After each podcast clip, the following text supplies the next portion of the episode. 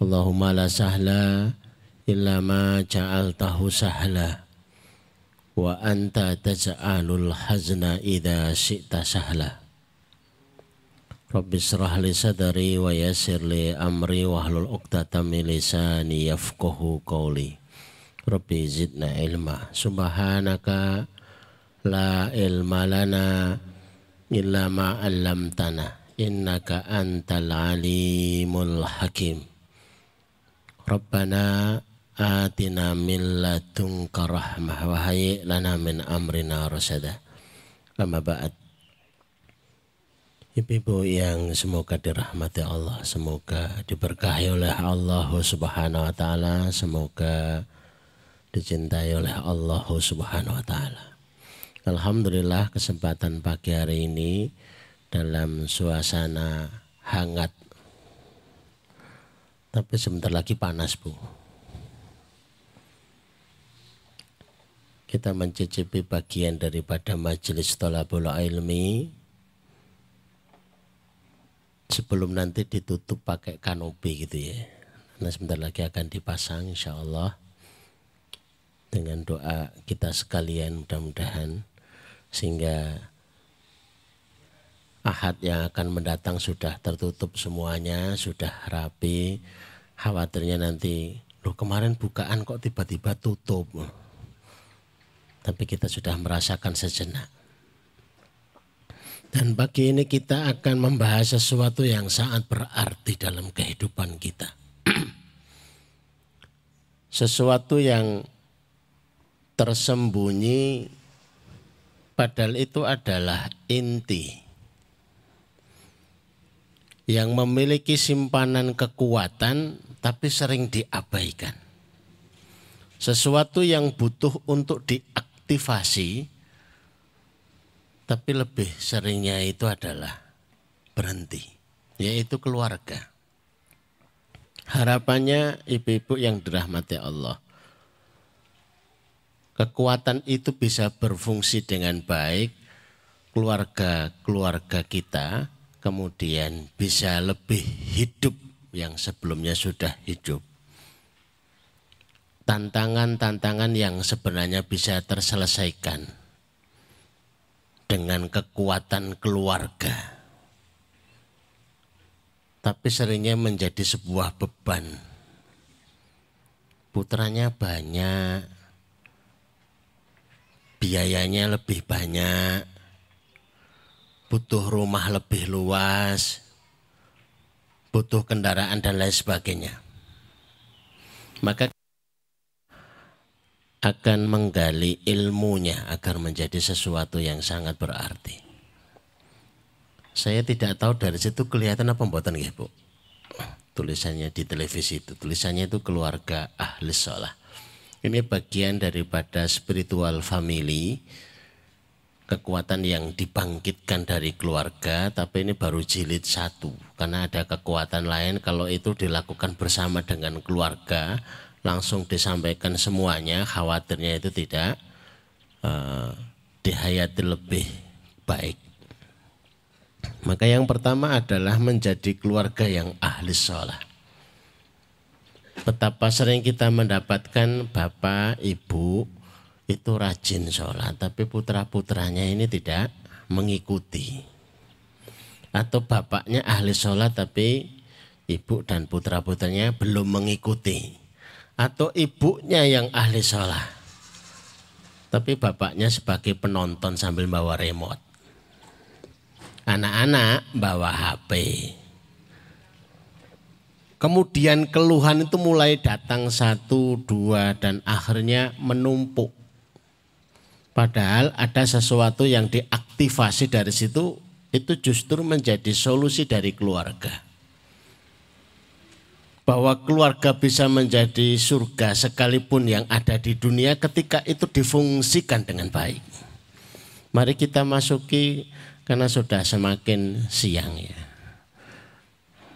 Panasnya sudah mulai agak terasa. Keluarga ahli sholat.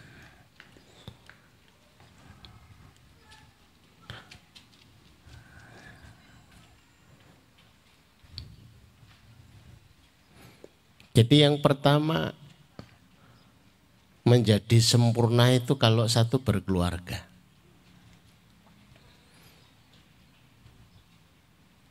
Kok ada yang merasa kehidupannya yang dirasakan sempurna, tapi posisinya belum berkeluarga. Itu hanya ngimpi saja. Karena Rasulullah menyabdakan kalau menikah seseorang istakmala nisfaddin. Menikah itu separuh agamanya itu menjadi sempurna. Apakah ada kaitannya agama yang disempurnakan dengan dunianya itu menjadi lebih sempurna? Sangat-sangat ada kaitannya. Bukankah segel akhir ayat yang turun kepada Rasulullah Shallallahu Alaihi Wasallam itu bunyinya al yauma akmaltu lakum dinakum wa atmamtu alaikum nikmati wa raditu lakumul islam Hari ini aku sempurnakan bagimu agamamu dan aku sempurnakan bagimu nikmatku. Sempurnanya nikmat berkaitan dengan sempurnanya agama yang dikerjakan oleh seseorang.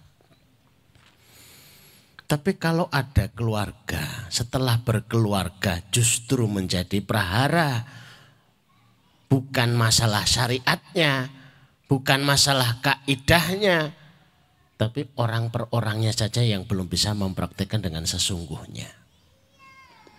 Jadi berkeluarga itu adalah tangga menuju lebih sempurna, tapi baru separuh ibu. Jangan merasa kamu sudah sempurna. Karena separuhnya lagi falyattaqi fi. Separuhnya itu hanya bisa dipenuhi dengan takwanya kepada Allah Azza Maka keluarga yang bertakwa, keluarga yang memenuhi kesempurnaan. Dunianya akan mendapatkan kesempurnaan, kemudian taatnya juga akan bertambah kesempurnaan. Setidak-tidaknya yang kedua dengan keluarga itu mestinya bertambah kekuatan doanya. Bapak berdoa. Ibu juga berdoa. Anak-anak juga berdoa. Yang diminta itu kompak alias sama. Alangkah hebatnya begitu ya. Bapaknya ya Allah izinkan kami untuk punya rumah ya Allah.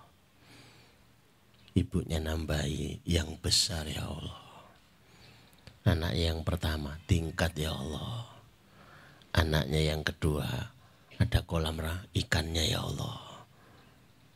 Kemudian semuanya menutup dengan amin. Allahumma istajib. Habis sholat di doa lima kali. Habis adzan di doa lima kali. Sepuluh kali. Tiga puluh hari dalam sebulan. Berarti sepuluh kali tiga. Sepuluh kali tiga puluh. Tiga ratus kali. Langit itu diketuk oleh sekian banyak ahli keluarga. Alangkah dahsyatnya itu. Kemudian Allah mengizinkan, mengijabah betul-betul rumah yang diinginkan persis seperti yang diinginkan. Kalimatnya itu alhamdulillah. Bukan karena jasa bapak, bukan karena jasa ibu, bukan karena jasa putra-putranya, tapi ini adalah anugerah dari Allah Azza Ini harapannya rasa syukur yang dipupuk karena buah yang dipetik dari ketaatannya dalam doa itu bisa dirasakan satu keluarga. Keluarga dunia dan keluarga akhirat, keluarga bertakwa itu kalau mereka dilibatkan di dalam mentaati Allah dari urusan kecil sampai urusan besarnya. Dari urusan bayar SPP, urusan bisa makan tiap hari, sampai urusan bisa membeli mobil, sampai urusan bisa membeli rumah, sampai urusan yang lain-lainnya. Lebih sederhana. Itu kekuatan ibu-ibu yang dirahmati Allah. Diabaikan yang repot kita sendiri. Nanti kita akan temukan hadisnya. Saya tidak tahu kayaknya slide yang ketiga. Rasulullah itu kalau asobahu khososah. Kalau ada kebutuhan yang sangat-sangat mendesak. Maka Rasulullah memanggil keluarga. Ya ahlah, ya ahlah. Wahai keluarga. Kumpul, kumpul. Solu, solu, sholatlah, sholatlah, sholatlah. Ini yang saya harapkan ibu-ibu yang dirahmati Allah menjadi SOP sebuah keluarga. Ngertas SOP apa mbak Tani? SOP ini bisa jadi itu sayuran, sop. Ya. Tapi SOP itu ya menjadi kebiasaan keluarga. Ya kita kok butuh televisi. Ayo, ayo, sholat kabeh. Habis itu eh motornya loro kurang butuh butuh mobil. Ayo sholat kabeh rumahnya dua kamar kok kurang gitu ditambahi empat kamar. Ayo sholat semuanya gitu loh. Ketika itu terwujud sudah terlatih membiasa teraplikasi kemudian terus diwariskan kepada anak-anak. Adakah yang lebih mahal diwariskan oleh keluarga? Kepada anak-anaknya melebihi warisan keteladanan dalam soalan takwa anak-anak yang terlatih tadi kemudian punya keluarga baru, keluarga baru. Ibu yang dirahmati kan sempat mengkhawatirkan, kok nek wis omah-omah iki piye? Ora usah khawatir. Wong sudah ada latihannya. Sudah ada simulasinya. Beliau Umar bin Abdul Aziz itu ketika jelang meninggal itu meninggalkan untuk putranya itu hanya dua. Dua juta. Ini ku kelasnya pun khalifah lah itu. Khalifah itu di atas presiden. Masuk meninggalkan putranya kok dua jutaan. Ada yang negur itu. Para menterinya nih. Tapi jawabannya kalau anak saya itu takwa, Allah yang akan mengkayakannya. Kalau tidak takwa, saya nggak ngasih modal banyak. Maknanya yang bisa dipetik dari situ, tidak ada tinggalan bapak dan ibu, tidak ada tinggalan orang tua yang lebih berharga untuk anak-anaknya melebihi keteladanan takwa, keteladanan taat kalau bunyi ayatnya itu sudah sering kita dengar. Wa may yattaqillah yaj'alhu makhraja. Siapa saja yang bertakwa kepada Allah, Allah akan memberikan jalan keluar dari seluruh kebuntuan, dari seluruh masalahnya. Wa min haitsu dan akan diberikan rezeki yang tak bertepi. Tapi prakteknya bagaimana? Pagi ini kita ajarkan beberapa bentuk takwa yang akan menjadi makhroja bagi keluarga. Bentuk takwa yang akan menjadi min haitulah tasib rezeki yang tak bertepi bagi keluarga itu diperoleh dengan cara satu keluarga itu sholat. Bapak sholat duha, ibu sholat duha, putra pun ya sholat duha. Mau empat rekaan, mau enam rekaan, mau sepuluh rekaan, mau dua belas rekaan, monggo jam 9 malam itu kok rame apa tuh? Tapi rata-rata kalau ibu-ibu yang dirahmati Allah ini putra kali sak keluarga itu biasanya apa tuh? Nonton bal. Nek mboten nonton bal niku nembe makan bersama. Makan bakso, rebutan pentol. Coba ada sesuatu yang tiba-tiba baru dalam keluarga. Ayo jam songo saat dorongnya turu sholat witir dulu walaupun cuma satu rekaat. Bapak ibu itu mau nambah kamar satu. Rezekinya belum ada. Yuk kita jemput bersama dengan sholat hajat-hajat kita. Bapak sholat dua rakaat, ibu sholat dua rakaat, putra putra ini pun sholat dua rakaat. Ya Allah, Alangkah sejuknya suasana rumah yang seperti ini.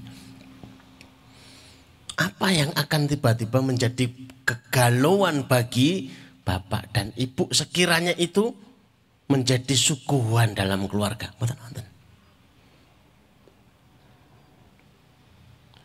putra pertama minta HP, putra kedua, putra kedua minta laptop. Ya ayo kabeh bareng nek salat. Istimewa banget gitu loh ya.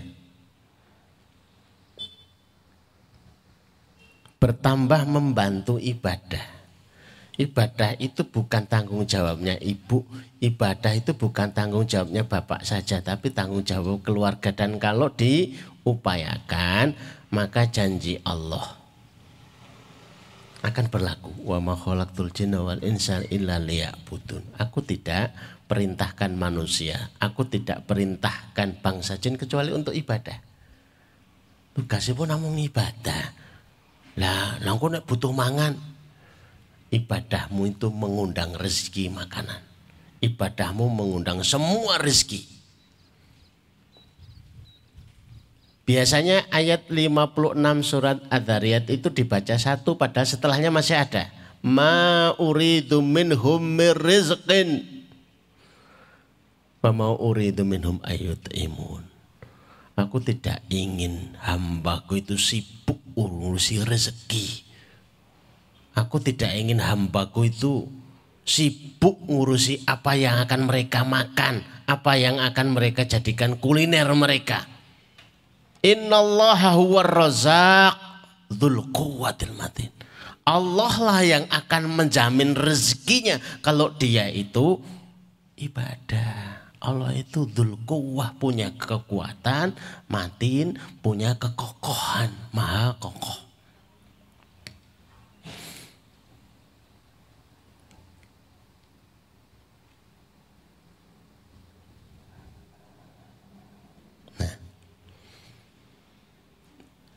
Ketinggal napa mboten Ibu? Mboten ketinggal ya. Berarti panjenengan dalam keadaan nasib yang sama. Podo. Ora ketok Kalah sama sinar matahari. Tapi saya tahu yang buat saya. Cuma disempurnakan bagian media. Salat itu pilar keluarga. Wonten surat Toha ayat 132. Jadi kalau di rumah itu daripada yang dijadikan apa ini hiasan ruang tamu itu foto wisuda, foto keluarga. Walaupun punya kenangan, nah bagi saya itu lebih berarti yang model kayak begini. Apalagi kok foto artis ya. Wonten cerita nih, ditempel foto artis terjadi kebutuhan keluarga tercukupi buat wonten cerita nih. Ini karena di ini sudah diingat, wa mur ahlaka bisalah wastabir 'alaiha la nas'aluka rizqa nahnu narzuquka wal akibatul taqwa perintahkan keluargamu untuk sholat sholat apa semuanya yang wajib dan yang sunnah sholat yang malam hari sholat yang di siang hari emang kenapa Kok harus keluarga? Kok semuanya? La nas'aluka rizqa. Kami nggak butuh. Dengan sholatmu itu terus Allah butuh rezeki enggak.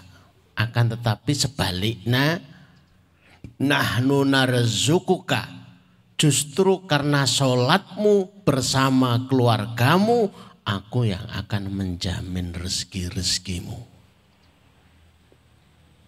Allah yang maha pemberi rezeki, Allah yang maha kaya, Allah yang maha mengkayakan, Allah yang maha kuasa yang akan menjamin seluruh kebutuhan rezekimu. Tapi syaratnya kamu penuhi, tegakkan sholat bersama keluarganya.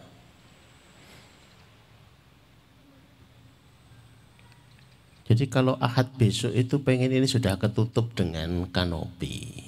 Ya keluarga Zabisa Putri sholat. Bertanya saja kepada ketua yayasan itu nggak menyelesaikan. iuran lebih nggak menyelesaikan. Iuran rong ewu, ini wah nggak menyelesaikan. Ayo sholat malam di sini. Ayo sholat doa di sini. Ayo sholat hajat di sini. Insya Allah selesai. Saya jadikan itu kebiasaan menjadi SOP wow Bu. Itu bukan SOP panjenengan bersama keluarga saja, tapi SOP juga bagi keluarga saya bisa. Mestinya begitu. Dengan menangis itu bukan berarti terus tambah rezekinya lancar mboten. Terus karena menangis Allah mesake nggih mboten. Tapi kalau sholat sekiranya harus menangis, menangisnya itu dalam sholat, dalam sujud-sujud panjenengan, mengibah, memohon kepada Allah. Itu yang luar biasa. Buktikan. Menika wonten surat Toha ayat 132. Perintahkan keluargamu untuk sholat dan bersabarlah. Bersabar untuk memerintahkan. Karena ini perintah yang paling suka lupa. Ya juga sering dilupakan. Ayo sholat, ayo sholat, ayo sholat, ayo sholat terus. Orang dang dadi-dadi, ayo sholat, ayo sholat kok belum terbeli ayo sholat ayo sholat oh kita itu minta mobil kok belum diantar diantar lampun pesan apa dereng yurung ya, ya ayo sholat aja mending kita pesan dalam sholat sholat kita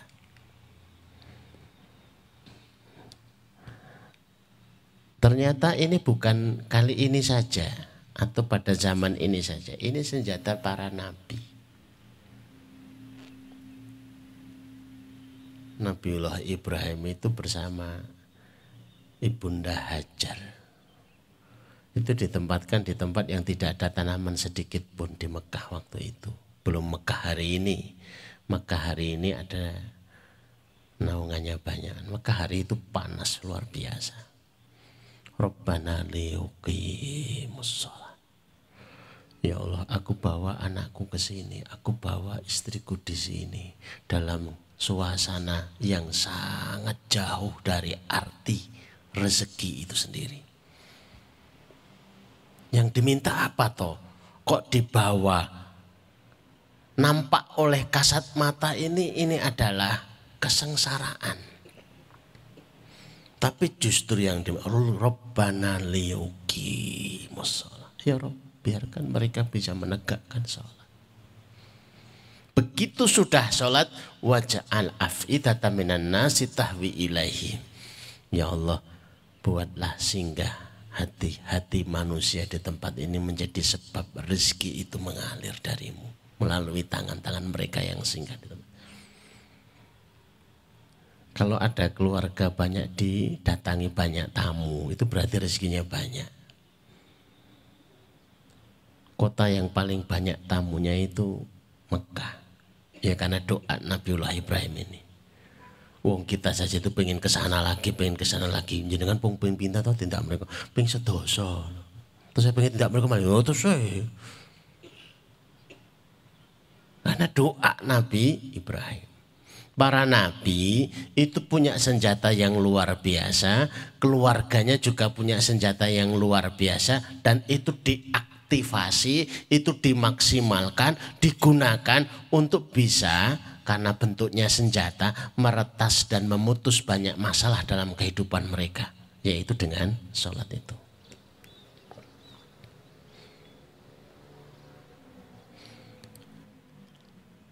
Allah berikan jaminan aman. Wonten apa ini? hadis kutsi itu ya. Ini di tafsir Ibnu Kathir. Tafarrok li ibadati. Sudahlah kalau ibadah kepada Allah itu dimaksimalkan saja. Ajeng ning ibadah ajeng dipol-pol kene niku nggih ibadah. Ya ibadah tafarrok li ibadati. Amla usadroka ghilan Aku akan penuhi hatimu dengan kecukupan. Aku akan penuhi hatimu dengan kekayaan.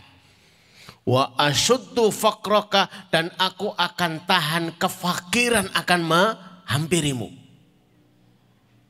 Kefakiran itu mboten purun mampir. Lah apa? Ditahan. Siapa yang menahan kefakiran? Allah. Kalau Allah yang maha kuasa, maha kaya, yang menahan kefakiran itu sendiri untuk singgah di dalam kehidupan kita, siapa yang mampu untuk meloloskannya? Ditahan kefakiran itu. Sulit untuk jadi fakir. Keluarga bertakwa itu sulit untuk jadi fakir.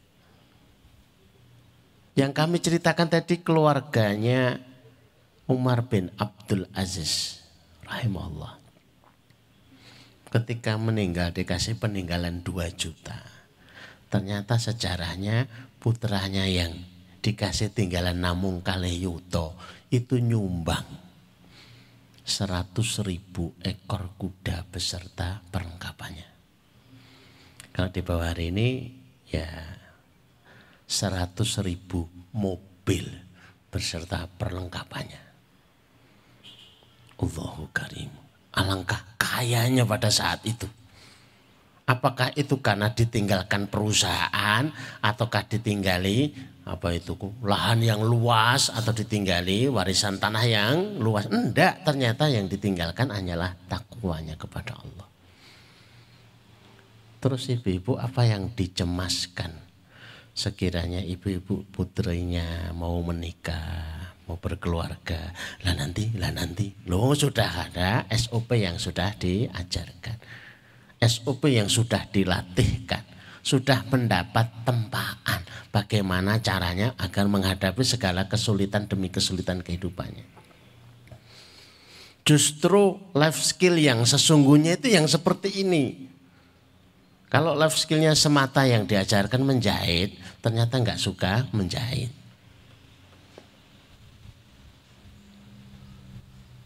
Diajarkan life skillnya itu memasak. Ternyata di sekitarnya itu para penjual masakan. Kan jadi repot. Ya diajarkan takwa. Diajarkan sholat. Rezekinya dari mana saja itu Allah lebih mengetahui rezekinya daripada yang butuh rezeki itu sendiri Allah lebih ngerti rezeki kita daripada kita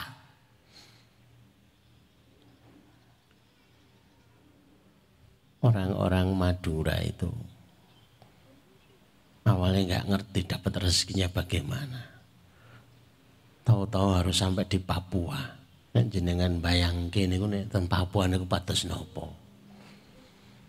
Ternyata dari sana itu membawa kapal-kapal besar mengangkut barang-barang rongsok. Ya kaya. Masya Allah.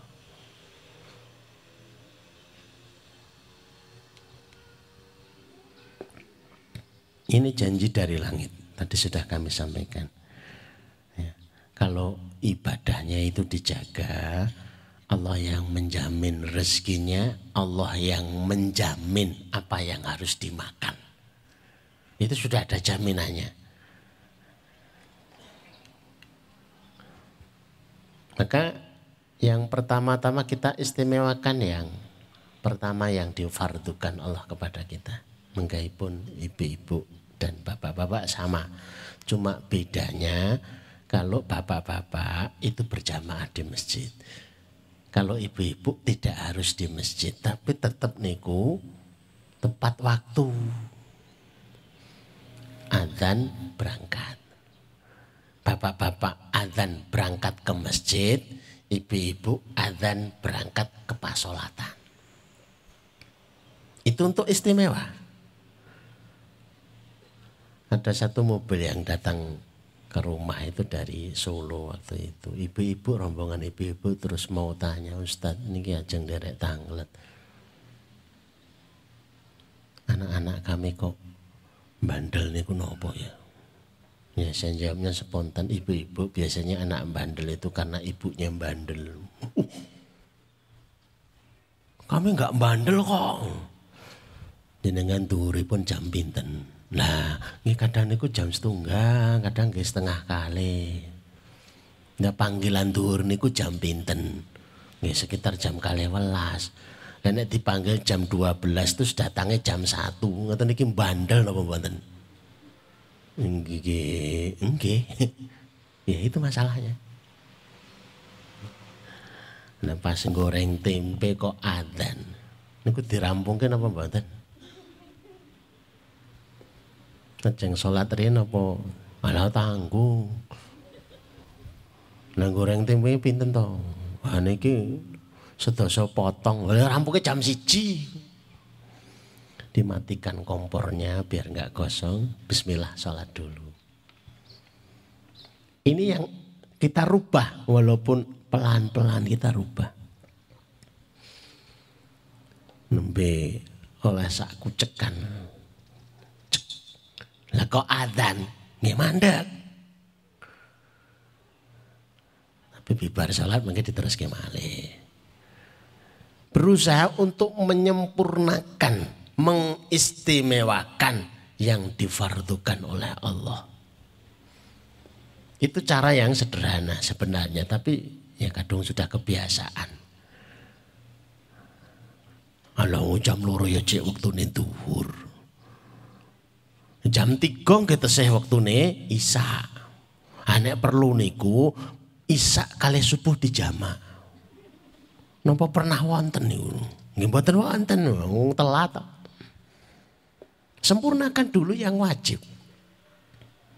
Adzan, sholat agar kalau adzan berangkat itu masih dapat kobliyahnya. Nanti setelahnya bisa ba'diyahnya. Lho yo akeh. Ono kobliyah kok ono ba'diyah lho salatnya kok akeh. Lah memang agar lebih terjamin. Coba kalau panjenengan itu kadang itu itu bener apa ndak? Diuji saja. Saya akan nyoba Praketang niku namung seminggu riyin uji coba saya akan adzan berangkat.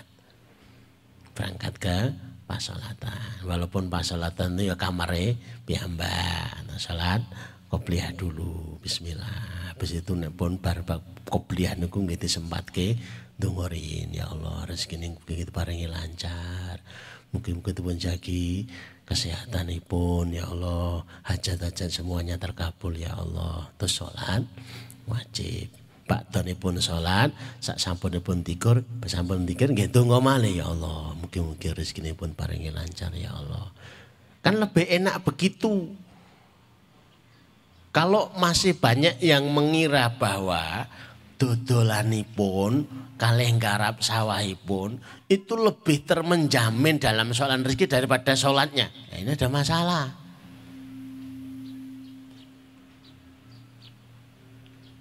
Sadiani pun namun ikhtiar. Garap sawah pun namun ikhtiar. Yang pokok itu sholatnya. Karena itu semua bisa terjadi jadi jaminan karena kuasa Allah wasallam. Yang kedua, eh, nunggu momentum sholat. Saya itu pengen banget ibu-ibu niku niteni. Momentum sholat niku satu sehabis adzan. Itu namun dang cepet-cepet jenengan lu. Allah marbah hati ta'wati ta'ma wa salatil qa'imah hati Muhammadanil wasilati wal fadil wa ba'athu maqama mahmudati wa adha. Innaka la tukhliful mi'at. Bibar niku panjenengan nyuwun. Lah kula pas dereng sholat Kan yang tidak diperkenankan kan buatan pun toh, buatan pun buatan toh. Kalau sedang haid, kalau haid itu boleh sholat apa buatan?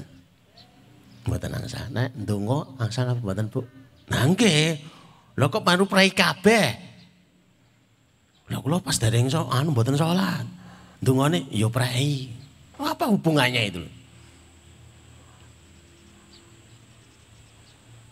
Sholatnya pray itu keharusan. Karena sedang ada larangan dari Allah Azza wa Tapi doanya tidak boleh libur. Walaupun sedang tidak sholat, kita tetangani pun itu nggih tengada. Bibar adzan. Menjadi sebuah kebiasaan. Iki kira-kira wis bar wis bubaran saking musola, pun bubaran saking masjid ya tengadah juga. Kemudian menempatkan waktunya. Menjadikan perkara-perkara utama. Kalau sebelumnya iki wis tanggal loro, iki wayahe gajine apa itu gajiane bapak. Iki tanggal limo wayahe dikirimi anak. Awalnya itu yang jadi andalan. Nah saat ini kok gak andalan. Lah kok ngenteni suwimen. Ngenteni tanggal loro karo tanggal limo. Bentino mau niku sakit kok. Nyuwone niku lho. Aku tak jaluk yang maha kaya ah. Daripada ngandal ke gaji sing rasa piro nopo kirimane putrane pun. Mending pandangan ngandal ke Allah mawon. Masalah dilewatkan putra alhamdulillah dilewatkan. Suami alhamdulillah. Dilewatkan tonggo ya alhamdulillah. Tapi menjadi perkara yang istimewa perkara yang utama Nah, baru yang kemudian setelah yang adzan itu disempurnakan, berangkat, yang wajib disempurnakan, menikah tambahan pun. Tambah terus sama yang sunnah. Ada sholat rawatib, ada sholat duha, ada sholat tahajud, ada sholat hajat, ada sholat istikharah, ada sholat witir, dan masih ada sholat yang lain. Kami belum sebut satu-satu karena masing-masing nanti ada penjelasannya. Nah, yang dijelaskan ini pun mulai panas niki niki saya istilah niki. Ini kan sah sambat. Wong kita senasib.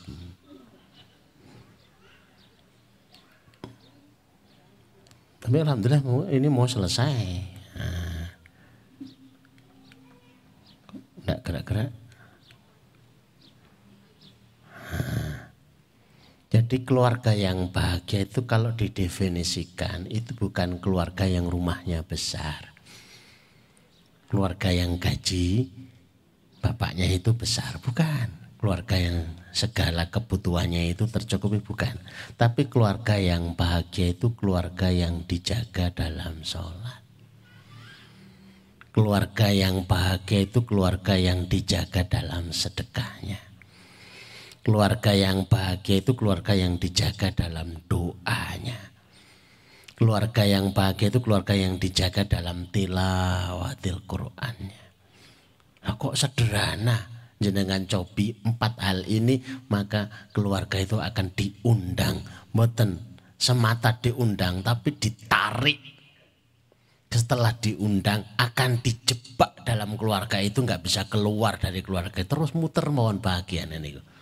Oh no gitu